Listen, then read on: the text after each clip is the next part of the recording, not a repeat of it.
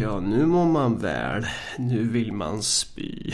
Som man säger en fredagkväll som denna. Då man hävt i sig tacos. Till liksom upp till typ så där, där halsen börjar i princip. Mm. Ehm, och du, du har legat och sovit i 22 timmar. Precis, jag gick och la mig vid så 11 eller någonting och så vaknade jag upp och var så helt borta i skallen när jag väl vaknade och skittrött. Och så var det becksvart ute så tänkte jag, har jag bara sovit fyra timmar igen? Det här suger ju. Så kollar man på klockan och så var klockan typ kvart över åtta eller något sånt. Bara, ja, jättekul. Under tiden har jag väl på och svettats för jag har försökt få tag i dig så att vi ska göra lite avsnitt typ. Eh, vi måste ju hålla vårt nyårslufte här med, med två avsnitt i veckan. Ja, nej men precis. Nej, jag har bara sovit väldigt dåligt sen eh, allt det här jävla tågstrulet och så vidare efter Aftonbladets kulturfest. Hint, hint, sådär. Du och jag har ju blivit, liksom, våran roll som inofficiella spindoktorer har ju blivit erkänd till sådan grad att vi till och med blir inbjudna till sådana tillställningar tydligen. Ja. Vi är, vi är kulturmarxisternas största inspirationskälla. Ja, just det ja. Nej, men vad fan. Eh, ja, vi, vi, har varit, vi har varit på en, eh, en tillställning. I den kungliga huvudstaden. Ja, precis. Eh, och eh, ja, vad, vad ska man säga där egentligen? Vi tänkte väl prata lite om det. Helt enkelt. Ja, precis. Um, ja, vad, vad finns det att säga egentligen? Jag tycker maten var ganska god. Vissa har sagt att den var väldigt dålig, mm. men jag håller inte med. Det är fan bättre än jävla frysmat som jag sitter och äter för att min, mitt kylskåp har gått sönder. Mm.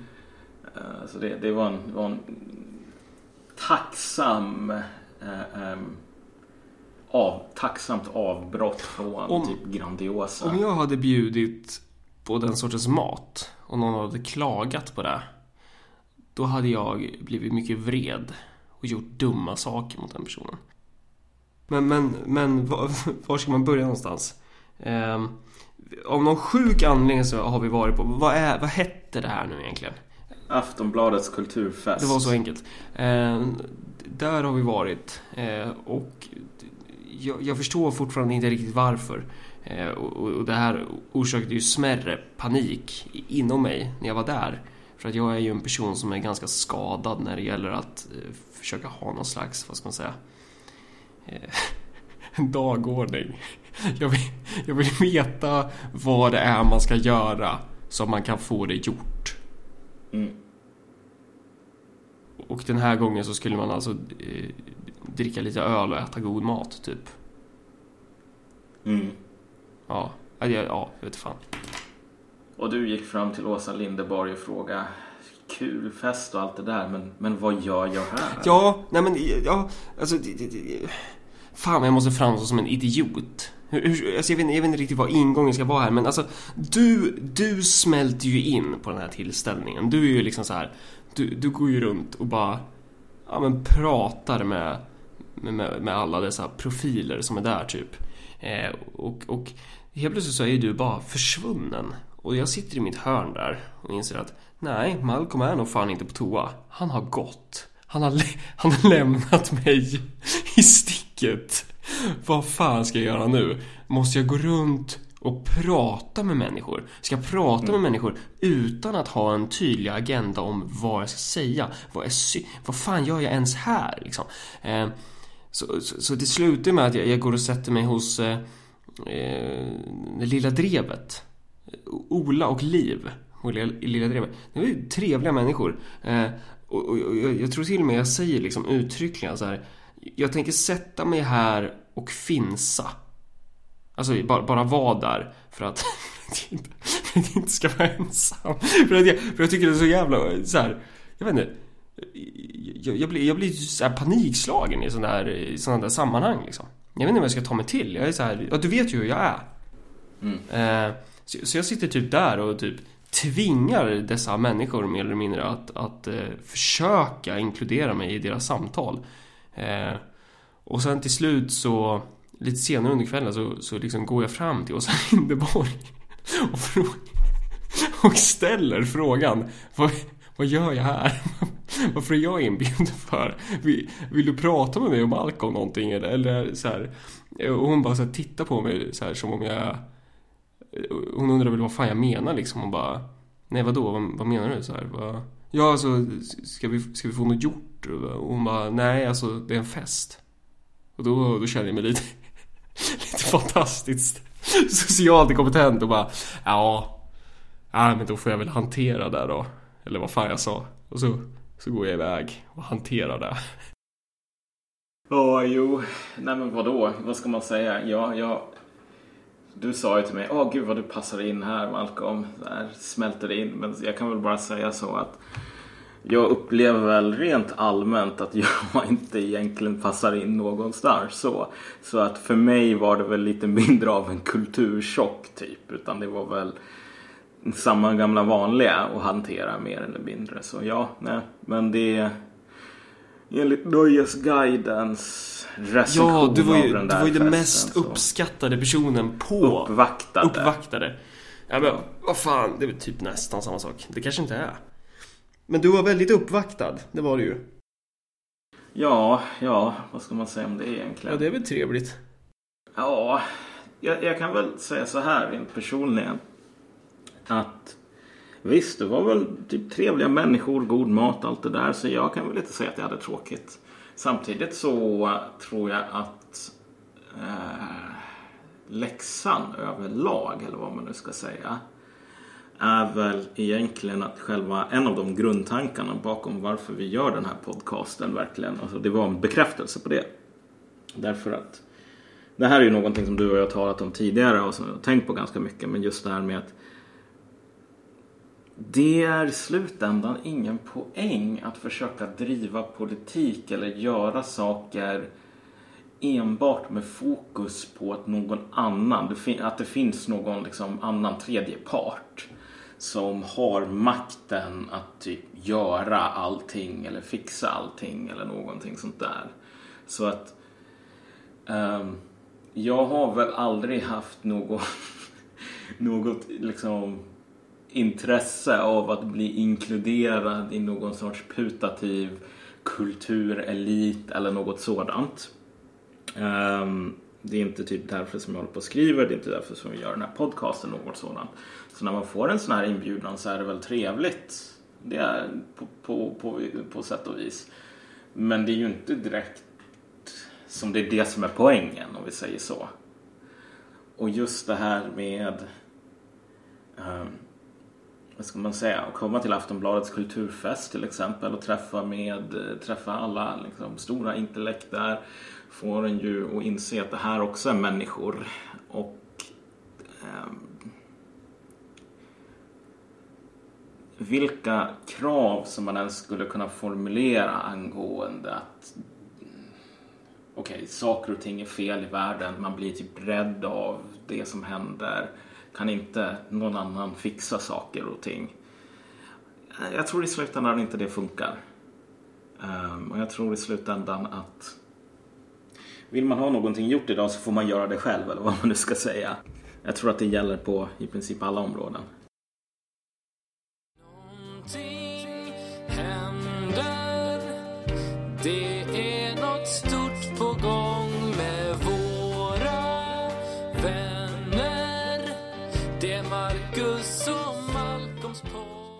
Nu har vi väl inte så jävla mycket så här juicy liksom skvaller och liknande att komma med för den som ville höra det. Men en, en intressant grej som hände var väl Aron Etzler var där också.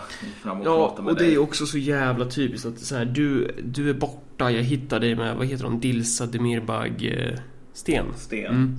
Eh, där, där sitter du med henne. Och jag sätter mig där och bara Fan, typ.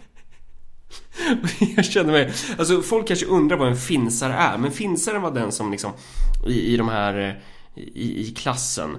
Eh, nu kanske många som lyssnar på det här var en finsare, det är ju det är inget fel med det, men jag vill bara förklara vad det är för någonting. En finsare är den som är med i, en, i, i ett gäng eller någonting eh, och, och som man liksom inte märker av. Den, den, den som typ inte säger någonting, den bara sitter där och ler, den bara sitter där och finns. Det är en finsare. Jag var en sån otrolig finsare. Eh, och där sitter jag och finns. Medan ni pratar om eh, vad fan det nu är. Eh, och, och eh, så är det någon som knackar mig på axeln. Eh, och jag vänder mig om. och där, där står Aron Etzler. Alltså, Vänsterpartiets partisekreterare eh, Som ju har, jag i alla fall har haft en hel del att göra med eh, När han eh, ja, Under liksom hela den här uteslutningshärvan eh, Eller vad man nu ska kalla det liksom. Eh, Och eh, han sträcker fram sin hand och vill hälsa. Och jag vänder mig till dig så sitter bara så här Det är Dilsa och sen sitter du där på samma bänk. Och, och du tycks inte se det här överhuvudtaget. Eh, och jag bara, men vad fan, bara gå och titta hit typ. Eh, men eh, där står han och eh, vill säga hej och så säger han så här, ja hur är läget typ. Och jag, jag vet liksom inte vad jag ska ta mig, ta mig till här. Och det, det, det, som är värt här är ju att säga så här, vår relation, min och Aron, har ju inte varit så här en, en schysst typ, eh, hur ska man kalla det? Eh, att vi har typ suttit och argumenterat mot varandra på något nätforum eller något sånt utan det har ju varit ganska mycket som har legat i det här. Och ändå kommer den här människan fram och ska säga hej och liksom fråga hur jag mår. Och inte nog med det, han ska liksom så här sätta sig ner bredvid mig och så här bara eh, undra vad jag pluggar. Och man bara säger ja, jag läser lite rester typ. Och så här och man, man undrar liksom vad, vad fan vill den här människan med mig? Men, men alltså för den, den som inte kommer ihåg liksom, den här backstoryn ska jag ju bara inflika att Aron Etzler har ju personligen tagit en väldigt aktiv roll i ehm, att få dig och en hel del andra människor uteslutna ur Vänsterpartiet i samband och liksom mer eller mindre upphäva interndemokrati när fel låt vann. Ja. När du typ hamnade högt Jag, upp på- jag, jag höll på att hamna hö- högt upp på riksdagslistan för Örebro län. Eh, Och d- då tyckte de lokala vänsterpartisterna inte om det. Eh, och då, då så, då med hjälp av Arons hjälp då, inte PS då i huvudsak utan Aron fattar det här beslutet utanför partistyrelsen. Eh, att, att man ska ha ett nytt möte en månad senare då man ska ha en ny omröstning. Och då två dagar innan det där, det är då det är något anonymt tips som inkommer i SVT angående om att jag gillar Revolutionära Fronten på Facebook. Och sen så är hela drevet igång liksom. Och då från början så säger ju, så menar ju Aron och de andra då att eh, det handlar om RF. Så här, en halvtimme efter jag snackade med SVT angående det här med den här Facebook-liken så eh, då, då ringer SVT upp igen och, och hälsar att eh, Vänsterpartiets partisekreterare Aron Etzler eh, ska utesluta mig i partiet. Liksom. Sådär, Mm. på en halvtimme. Eh, och eh, vad ska man säga, det, börjar ju med någon slags RF-haveri och sen så är det ju mer personer i partiet, ungdomsförbundet, som blir förbannade på det här och tycker att bara, men vad fan håller ni på med? Eh, då, då tvingas stackars Aron och hans eh, hjälpredor att skriva ihop ett 60 sidors långt häfte där man bland annat skriver att jag ska ha vandaliserat bussar. Jag hör av mig till bussföretaget och kollar upp den här mejlen och de liksom så här dementerar det och det grövsta och säger så här, vi, vi, har, vi har absolut inte skrivit någonting sånt där. Så att man, man så här håller på och fejkar en massa mejl på en, på en sån där ganska intressant nivå. Så, så, så det, det är liksom mer, det, det är lite mer än bara argumentera på nätet om man säger så. Ja men precis, det här är ju, vad ska man säga, vad, vad Aron har gjort är väl mer eller mindre så här att han har brutit mot, eh, jag tror att en oberoende neutral tolkning av partiets stadgar jämfört med och samma oberoende neutrala tolkning av Aron Etzlers beteende i relation till de här stadgarna skulle vara väldigt svårt att komma fram till någon annan slutsats än att Aron Etzler på många håll och kanter brutit mot reglerna, sett mellan fingrarna medan regler har brutits eller uppmanat andra människor att bryta mot liksom väldigt viktiga regler typ som har att göra med sådana här saker som interndemokrati och liknande. Och att det dessutom har varit en hel del liksom förfalskningar då tänker jag mest på så här medlemsregister och liknande där man ska liksom få det till att massor med människor som har betalat sin medlemsavgift inte har gjort det. Och. Människor som visar upp medlemsbevis för eh, anställda vänsterpartistiska ombudsmän eh, blir bemötta med ett skratt och säger att nej, du har inte rösträtt. Eh, och och det, det där är ju, alltså egentligen jag blir ju förbannad på mig själv när jag tycker att så här, nej men så här kan vi inte göra. Men för, för att det är faktiskt så politik funkar och det är, det är bara att ta lärdom av det och, och, och tänka på det i framtiden att det, så här funkar det liksom. Nej men det där var väl business liksom? Ja, det där är business. Eh, och, och, eh, och då, den här personen som ligger bakom allt det här då, han står framför mig och, och eh, låtsas som att han, han vill veta hur jag mår och sådär. Eh, och det är väl en del tankar som far i skallen på hur, hur, hur ska jag göra nu? Vad ska jag, hur ska jag göra det bästa av situationen på den här fina kulturfesten?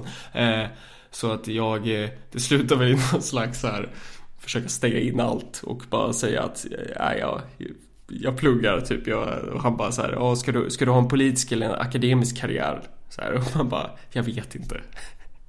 Så, och så blir det bara, just det, en annan grej som är ganska relevant i sammanhanget är ju det första han säger efter att han sagt hur är läget är ju så här, ja, jag gick ju fram och hälsade på Malcolm. Men Malcolm tycktes inte veta om vem jag var. Och jag tittar på Malcolm och du sitter där och bara Ja, du märker inte av att jag pratar med Aron Etzler. Eh, och jag tänker väl liksom, vad fan har du inte gått och sagt det här till mig innan typ? Eh, och eh, han, han bara, ja han låtsades om som att han inte visste vem jag var. Eh, kanske var det för att eh, hans hat för mig, eller hans avsky med mig, så här dolde hans förmåga att vara trevlig typ. Och jag bara så här, ja kanske det, typ. Jag vet inte. Men riktigt så var det kanske inte. Ja, nej. Jag blev, jag blev fan nästan skratta när jag hörde det där efteråt. Just för att alltså, jag visste ju inte om han visste vem jag var så. Det är ju jätteroligt att, att du utgår ifrån det. Men, ja, men som, som sagt, det är liksom, i det läget så tänker jag jag kan väl bara vara trevlig och bara säga hej. När han säger hej Aron så säger jag hej Malcolm typ.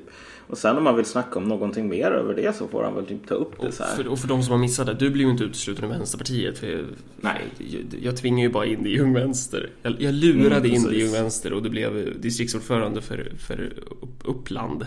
Eh, Uppsala län heter det. Så att, Ja, under en kort tid när jag tack och lov blev utesluten tillsammans med massor med andra människor. Och det var ganska skönt. Det besparade mig, vad var det? Var det Axel som sa bara att när jag gick med då tänkte jag så här att jag ska fan inte gå ur, jag ska bli utesluten. Eh, ja. ja. Men, men, men, men hur som helst, apropå Etzler. Det, det, så här, ja, det var ju intressant att han eh, målade upp den bilden av att ja, men här har vi någon person som jag håller på att avskyr honom eller något sådant. Jag känner väl bara så här. Eh, för det första, det är jävligt mycket jobb att hålla på att avsky personer. Det tar upp liksom tid och energi som jag hellre lägger någon annanstans överlag. Men sen också så här, ja vet du vad, det som Etzler gjorde mot dig och i en mycket mindre utsträckning mot mig också. Jag menar det är ju business typ. Så på det planet så kan man väl säga liksom hate the, liksom hate the game, don't hate the player. Och det är väl ungefär min, min inställning. Men det fascinerande är väl bara att han vill gå fram och hälsa på mig och dig överlag. Liksom. Vilket jag tolkar, och här kan jag ha fel, men jag tolkar det som om jag menar en gång i tiden så kunde väl Etzler ungefär hålla på och trampa främst på dig.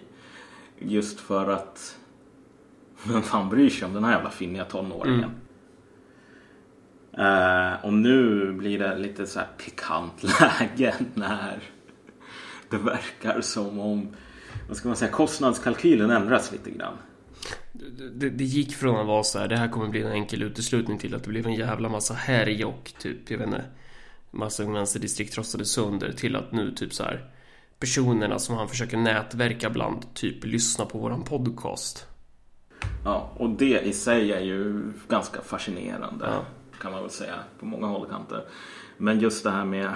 Ja, alltså rent personligen min inställning till Aron Etzler är väl typ att jag har väl läst en hel del, eller inte så otroligt mycket egentligen. Men intrycket som man har fått av Trondheimsmodellen och Reinfeldt-effekten och liknande. Det är att det här är Det här är litet tänkande. Det här är det som filosofen Kant kallade för privat tänkande.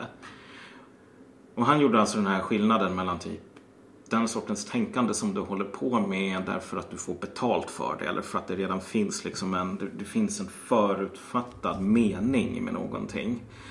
Um, och sen offentligt tänkande var då den sortens tänkande som sker bara för sin egen skull som inte måste producera rätt svar. typ. Och så här, Trondheimsmodellen och liknande. Alla sådana där sakerna verkar ju vara designade för inte för att stå på egna ben utan snarare för att motivera varför den här grejen som Aron Etzler tycker eller den här vägen som Vänsterpartiet Då valt menar är du inte typ. Trondheimsmodellen Trondheimsmodellen utan du menar hans bok om Ja, Trondheimsmodellen. precis. Eh, Det, det vill säga Aron Etzler har i princip byggt en karriär på att sälja in ett budskap till redan frälsta personer. Han har sagt det människor i Vänsterpartiet vill höra. Eh, Och det är väl på det sättet han, han liksom presenterades som den här förnyaren. Eh, Men om, om man försöker skrapa lite på ytan av hans ana- analys så är det ju oftast bara yta. Att, att han, han, han liksom analyserar inte Vänsterpartiet i termer av så här, det här är ett parti eh, vars kärna består av 50-åriga avdankade kommunpampar vars enda liksom, mål i livet är att fortsätta vara eh, avdankade kommunpampar och kämpa emot allt som kan hindra dem från att vara det. Alltså ingen slags materiell analys utan det är bara så här eh, någon så här political brains ABC typ. Ja ja ah, men vi, ska, vi måste kommunicera, vi, när vi ska sälja in en sak, när du ska sälja in en telefon då kan ju inte du hålla på och dra en massa rationella argument utan du måste ju dra känsloargument. Mm, men så här, om du ska sälja in en bajskorv så spelar det ingen roll om du drar rationella eller känslomässiga argument. För den där är fortfarande, det är fortfarande skit du försöker sälja. Så det är väl lite det att om man, om man bara har en analys som handlar om eh, så här, kommunikation eller någonting sånt där. Det, det, det, det visar på något sätt så här djupet i ens, vad ska man säga, det är så jävla fattigt.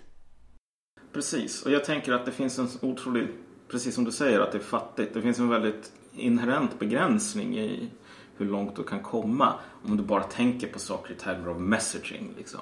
Så det här med inga vinster i välfärden är ju det perfekta exemplet. För det sågs ju som så, någon sorts liksom revolutionerande, liksom en jävla slam dunk rent politiskt. Därför att 50-11 procent av Sveriges befolkning höll med om att det var dåligt med vinster i välfärden. Och det här skulle göra att det gick jättebra för Vänsterpartiet i valet 2012 var det väl. Uh, sen blev det inte så. 2012 var det inte, det var 2014 det var val. Ja, whatever. Just det, 2012 var väl när Obama valdes. Whatever. Spinndoktorerna.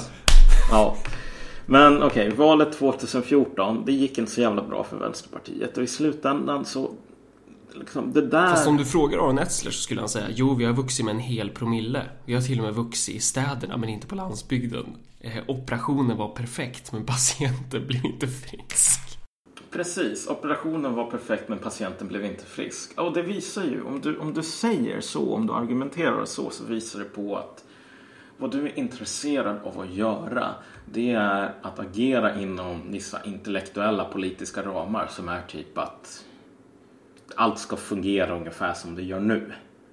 I fortsättningen också. Och det enda som är giltigt, det enda som du vågar ta på, det är sådana där indianknep inom givet det partiet du har, givet liksom allt det där andra för att liksom, det ska gå lite bättre. Men du vet, Um, om, man, om, man, om man jämför typ, jag, jämför hans, vad han håller på med ungefär med liksom, vad vi ville med Ung Vänster. Om man nu ska liksom i det här personliga avsnittet, du vet. Hur, hur är det nu som man säger i pressen? Tala ut. Ja, just det. Så heter det. Men och sen ska det ju vara värt att komma ihåg att vi ska ju göra ett eh, ordentligt avsnitt om just utslutningen om Vänsterpartiet. Det väl tanken. Sen, men ja, absolut. Vad, vad var det vi ville? Jo men precis, vad vi ville var ju så här. Eh, ni såg att Ung Vänster var en organisation som höll på att ruttna bort. Det gör den ju fortfarande idag. Det går ju fan inte bättre för den. Även om folk säger så här. Ja men vi fick tio nya medlemmar. Du vet efter att 20-30 har låtit sitt medlemskap gå ut liksom. Men du vet, man, hy- man hyllar de här små segrarna och så, samtidigt som man förlorar kriget typ. Det där höll man på med när vi gick med. Och det där håller man på med fortfarande idag. Och man förlorar kriget ändå mer och mer. Och det där såg vi ju och det tyckte vi var väldigt tråkigt. Och våran inställning, eh, och sen kan man ju tycka att den var dum eller något sånt. Det säger jag ingenting om. Jag vill bara försöka klargöra hur vi tänkte. Det var så här att det här ungdomsorganisationen och i förlängningen också Vänsterpartiet. Det här är två saker som bara går att rädda om du det kommer att krävas liksom ett riktigt stålbad. Det kommer att krävas liksom kemoterapi mer eller mindre. Eh, Och så är det ju med allt. Eh, Alltså ska du få en förändring så krävs det stålbad. Oavsett vad det är liksom. Att du måste ju alltid rucka på status quo.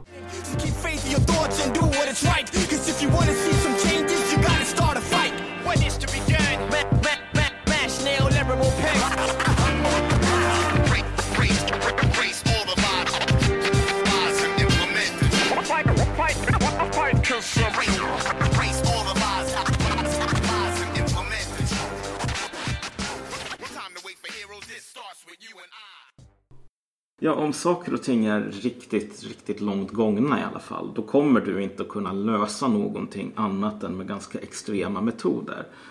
Um, så att vi hade ju aldrig de här idéerna om att liksom, poängen är att vi ska bli med i, i den här Stockholmskretsen och liknande. Vill man, vill man göra det så är det ju vissa saker som man behöver göra, typ slicka röv. Så. Uh, men, men poängen var ju aldrig det här med att ja, jag, ska, jag ska bli förbundsordförande så att folk kommer att typ respektera mig eller så att jag kommer att få en lön eller något sådant. Utan poängen var bara att om man skulle bli förbundsordförande till exempel då var det för att det ger en möjligheterna att rädda det här förbundet från sig själv mer eller mindre. Och det är ju raka motsatsen egentligen till en figur som Aron Etzler. Därför att vad Aron Etzler är intresserad av är ju på något plan. Han har ju, han har ju surrat fast sig själv i masten Vänsterpartiet. Det är en mast på en skuta som håller på och sjunker mer eller mindre. Alltså det är ju ett parti som dras med väldigt allvarliga interna konflikter.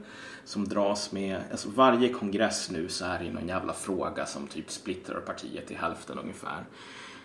Och det enda som han gör, och det enda som jag tror han vill göra, är ju mer eller mindre att hålla den här skutan flytande ett tag till.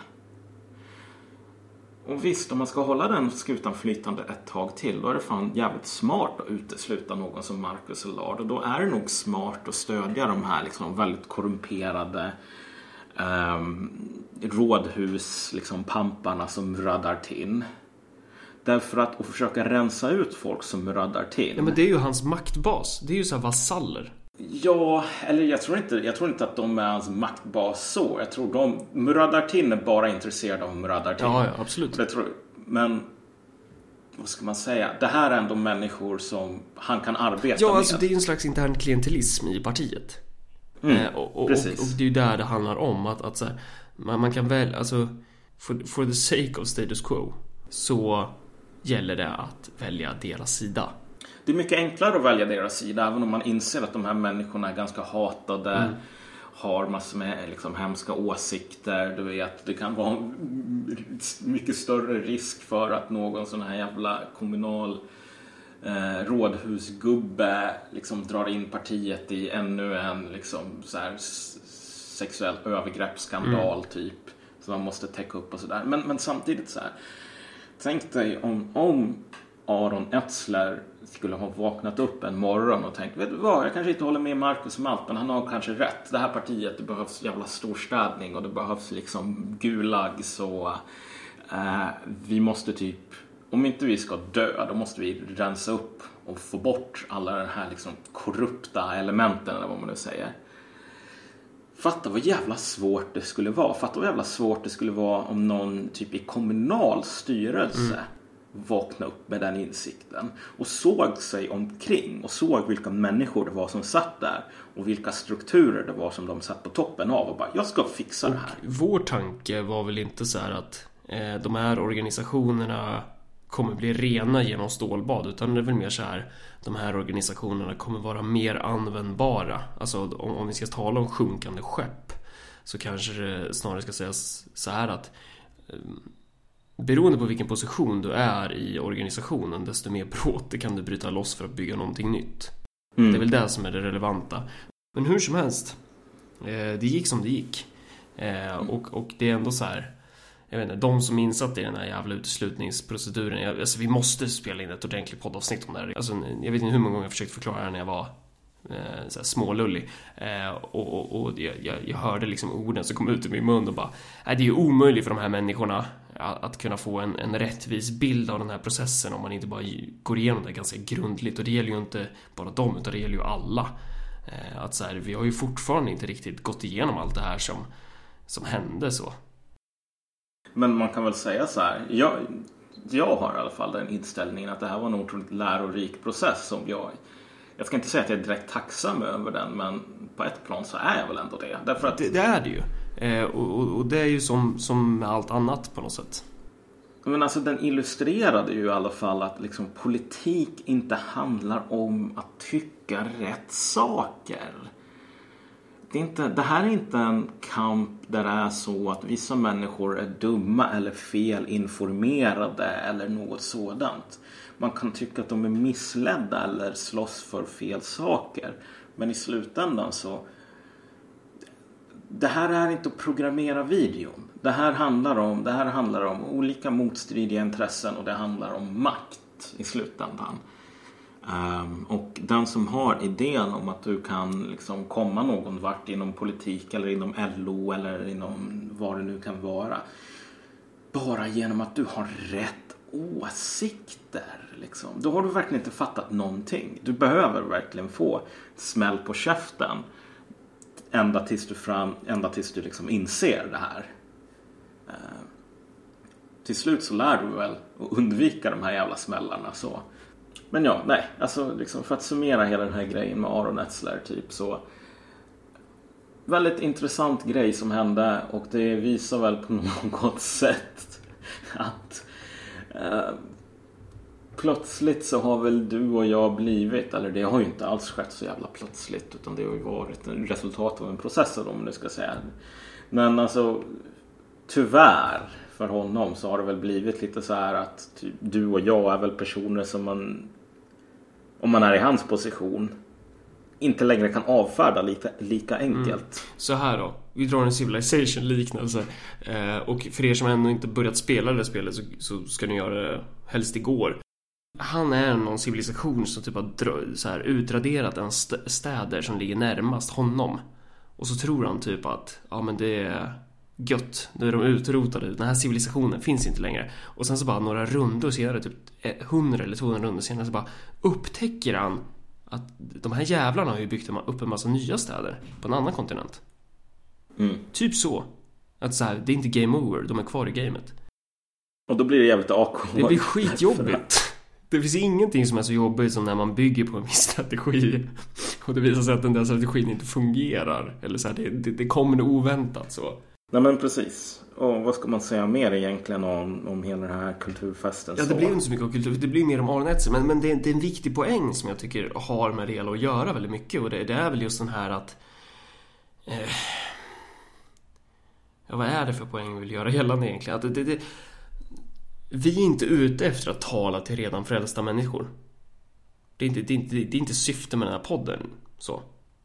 Och, och, det, om vi skulle göra den sortens eh, misstag då är vi politiskt irrelevanta för att och jag kommer på mig själv med att tänka i typ alla sammanhang jag är att bara så här när, när folk sitter och pratar om att de ja men de ska påverka eller vad fan de nu håller på med och så känner jag bara så här, men, men kan du göra någonting annat än att skriva en text? Mm. Ja, Har, har du någonsin, vet vet du hur man värvar en människa? Kan du sånt? Kan, kan du någonting praktiskt? Eller kan du bara tycka saker i en text? Så, så kommer jag vara. Och det, jag, jag, jag, jag vet inte, det, det, det, jag vill paj. Men det jag menar, man, man behöver kanske inte gå in själen på själen bakom. Men jag tror att idag så har det hänt så att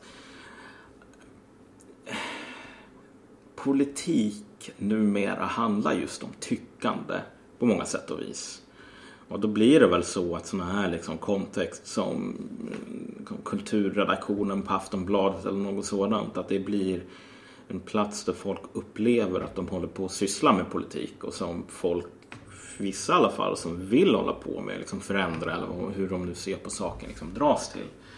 Och det där är väl någonting som, eh, vad ska man säga, idén om att politik handlar om smarta människor som håller på att tycka smarta saker.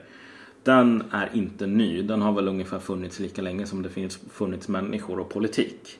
Och det är väldigt smickrande bild att ha oftast därför att om, ingen människa som har den synen på politik kommer att säga men jag är en jävla retard så det är därför som jag i den här världen förtjänar att hålla käft. Eh, men som sagt, jag tror inte du eller jag tror riktigt att det är så det funkar. Och det är inte direkt Um, den här podcasten var definitivt inte ett projekt att liksom övertyga folk om att vi hade smarta idéer så att vi skulle bli inbjudna till människor, liksom fester sådär så att så. Um, och när det gäller mig själv så, så jag ser väl ungefär det jag håller på med som, jag vet inte vad, om du tänker dig om man ska dra någon sån här löjlig liknelse så du vet, i krig så har du ju ingenjörstrupper och det är inte ingenjörer egentligen utan vad de håller på med det är ju så här Ja men här har vi ett minfält eller här har vi en bro som måste byggas eller sprängas eller en bunker eller något sånt där. Ja men typ vad gör vi ungefär då? Och så är det här en person som kommer in och, och typ vet ungefär hur man tar sig över det här hindret. Så. Eh, och det är väl ungefär så som jag ser på, på intellektuellt arbete eller vad man nu ska kalla det. Det handlar, inte om, det handlar inte om mig. Det handlar inte om någon sorts självförhärligande. Utan det är väl bara att typ vara den personen som försöker kunna användbara saker eh, i, i, de kontext som de här sakerna behövs. Om du fattar vad jag menar. Ehm, så jag har mött på väldigt, väldigt många människor som tycker liksom, ja, det är därför som jag inte gillar den här titeln intellektuell för övrigt. Men alltså väldigt många människor verkar tycka så här att smart handlar om att vara utvald. Lite grann som att vara magiker i Harry Potter eller någonting. Det är så här att du, du blir, du får ett meddelande om att okej, i den här världen där alla är tråkiga och bla bla bla så är du en av dem som har någon sån här mystisk kraft typ. Jag ser, på, jag ser på det hela som, ja men vad fan att vara en elektriker eller någonting annat. Det är ju bara en fråga om att ha inövat vissa färdigheter så. Och den dagen som vi börjar se på um,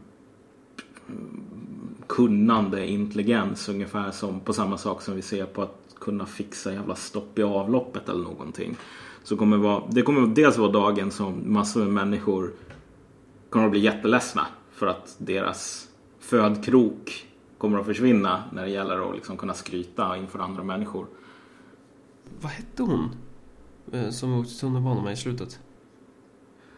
Lydia Priceovich. Ja. Eh, hon sa ju en grej som jag... Jag vet inte om det var det här hon menade med. Jag tyckte i alla fall att det var... Det, det satte lite perspektiv på saker. Att Du har, dels har du... Eller så här, hon, hon sa ju så här, men, men angående politiken som konstform typ. Att det finns ju så här människor som ser... Eh, men, typ som att politiken har blivit en konstform. Var det inte så hon menade? Nej men ja men att så här konstnärer som håller på med politik, att det här har blivit, politiken har liksom blivit Alla konstnärer ska vara politiska. Ja, därför att det här har blivit en av de liksom viktigaste uppgifterna för konsten så.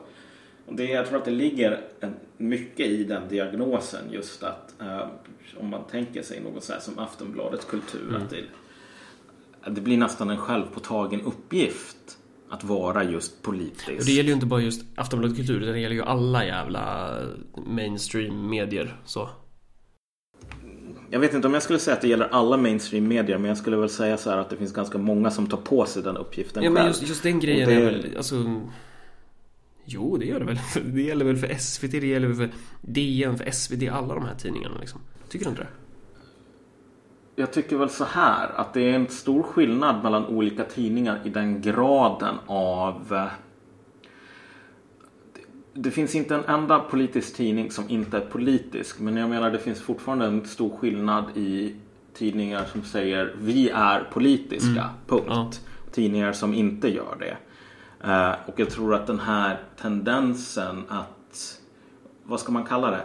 Alltså tendensen för att ta på sig den uppgiften.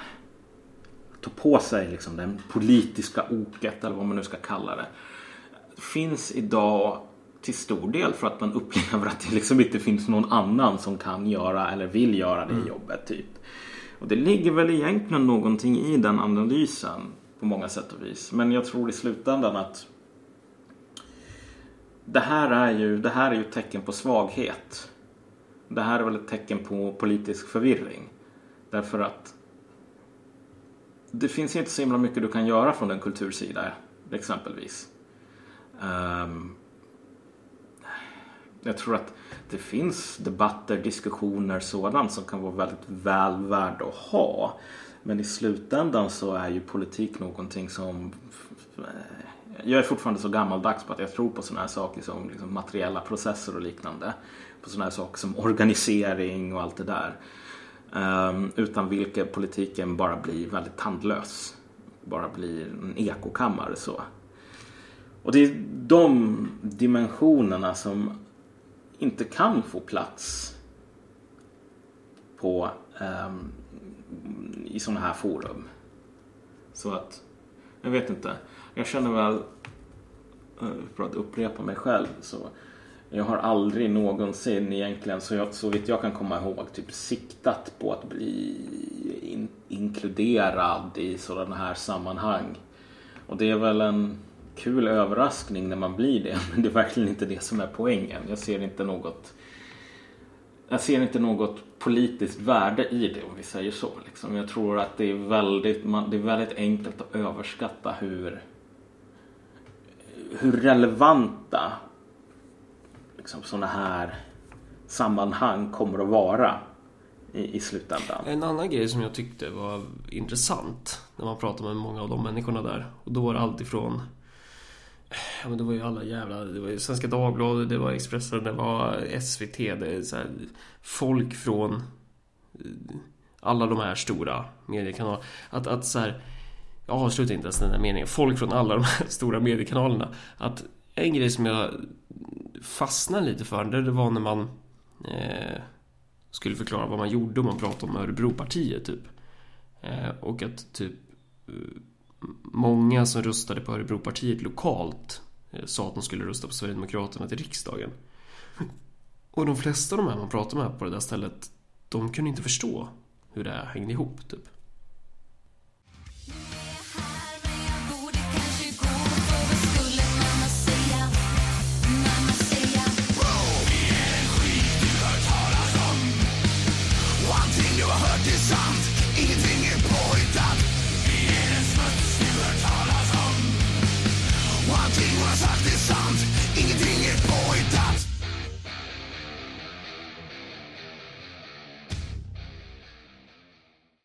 Ehm, jag vet inte vart jag vill komma, jag vill bara Jag tyckte det var intressant att det var Att det på något sätt var en så kontroversiell eh, Så kontroversiell fakta för, för många Precis, men det visar väl egentligen visar väl på lite olika saker. Den, den, den, jag vet inte om det här är den viktigaste aspekten, men det, antagligen så är det alltså just det, det mest centrala här, Eh, som, i alla fall enligt min spontana reaktion, det är ju bara att jag tror att de här sakerna är väl inte så svåra att förstå eller så chockerande om man faktiskt talar med folk så, om du fattar vad jag menar.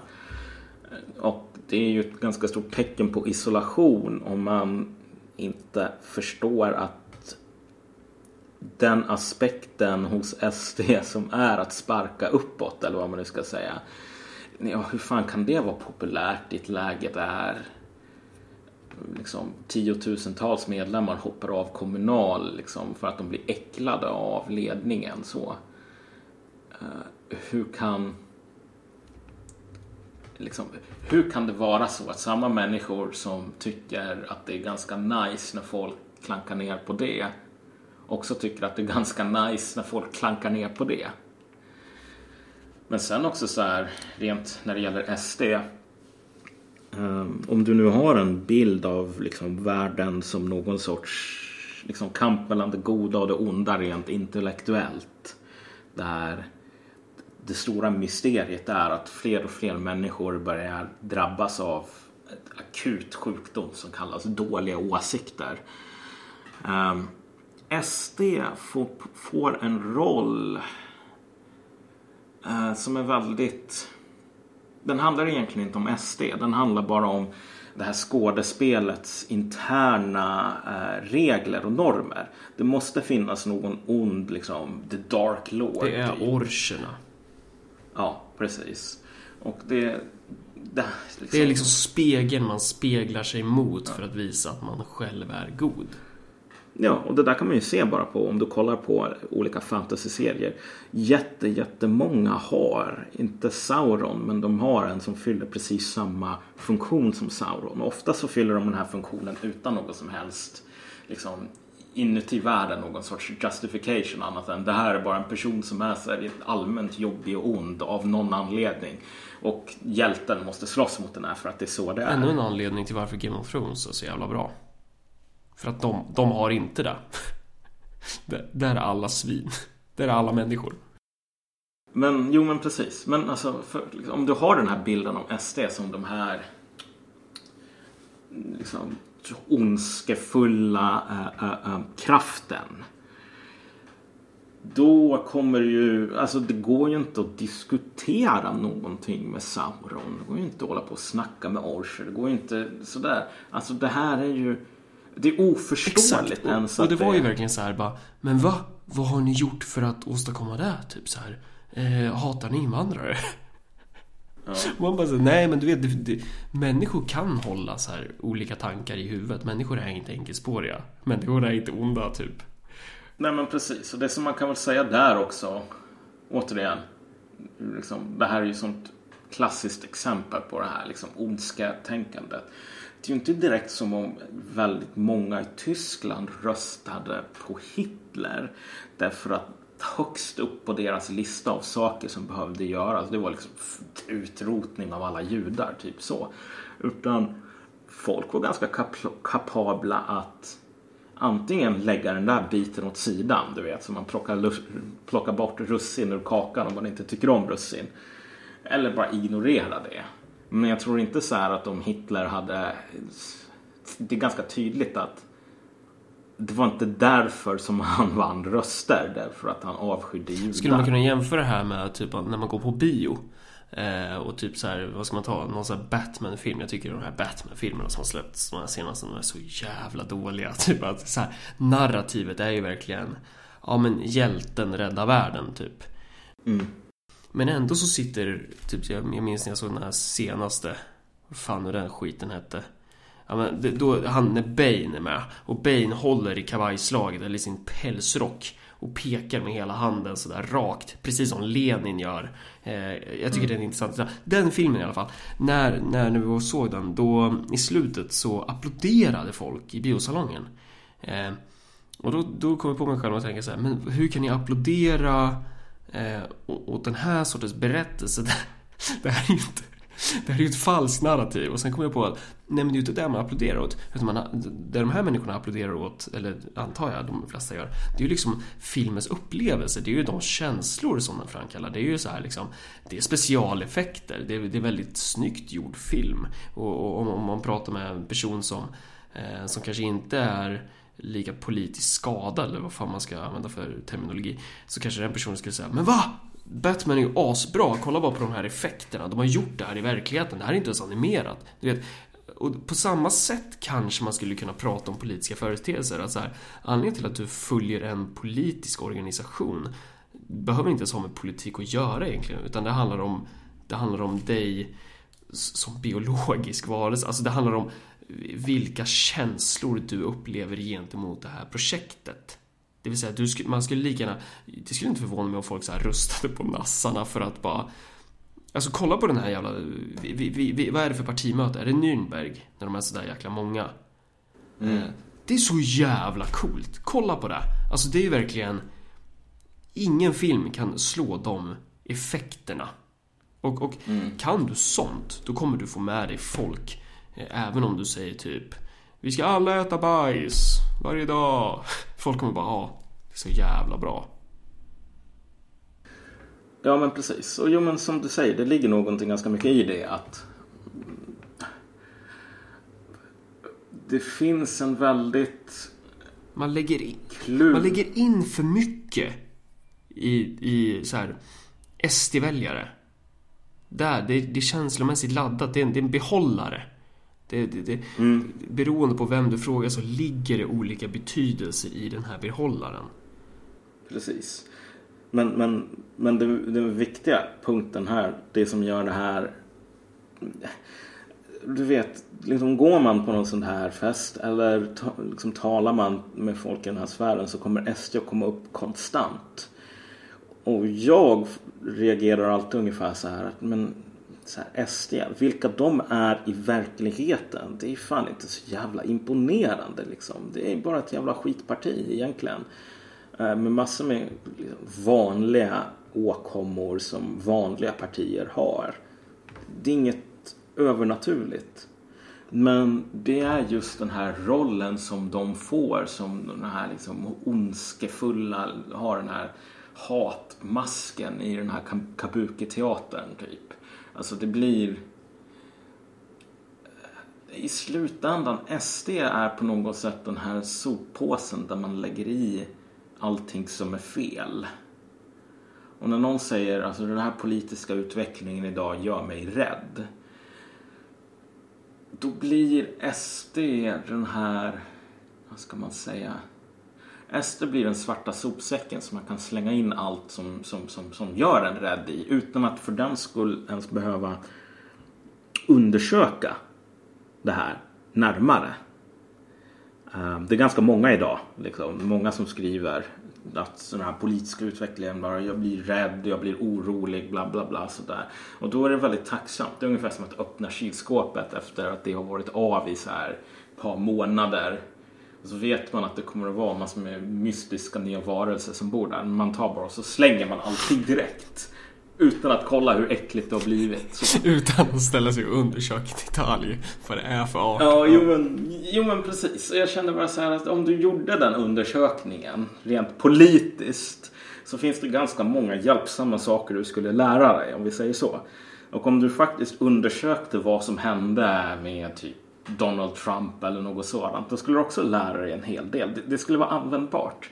Men den enkla vägen ut är alltid bara att säga så men det här gör mig orolig och sen bara det är för att Donald Trump är ond eller för att SD är dumma och jag är inte ond och jag är inte dum, punkt slut. Som sagt, det, det där är en återvändsgränd. Um och det är väl ingenting som vi hade tänkt att hålla på med framöver heller. Och det har vi väl försökt att undvika att göra hittills. Tyckte ni att det här avsnittet var, var bra så kan ni ju 1. Skicka valfri gåva till 07 90 10 72 23 2. Dela det här jävla avsnittet i sociala medier 3. Skriva om det Om du har en, en blogg eller ledarsida eller, eller någonting du förfogar över. Jättebra. Sprid podden. För klasskamp och uppror den gör sig till tolk.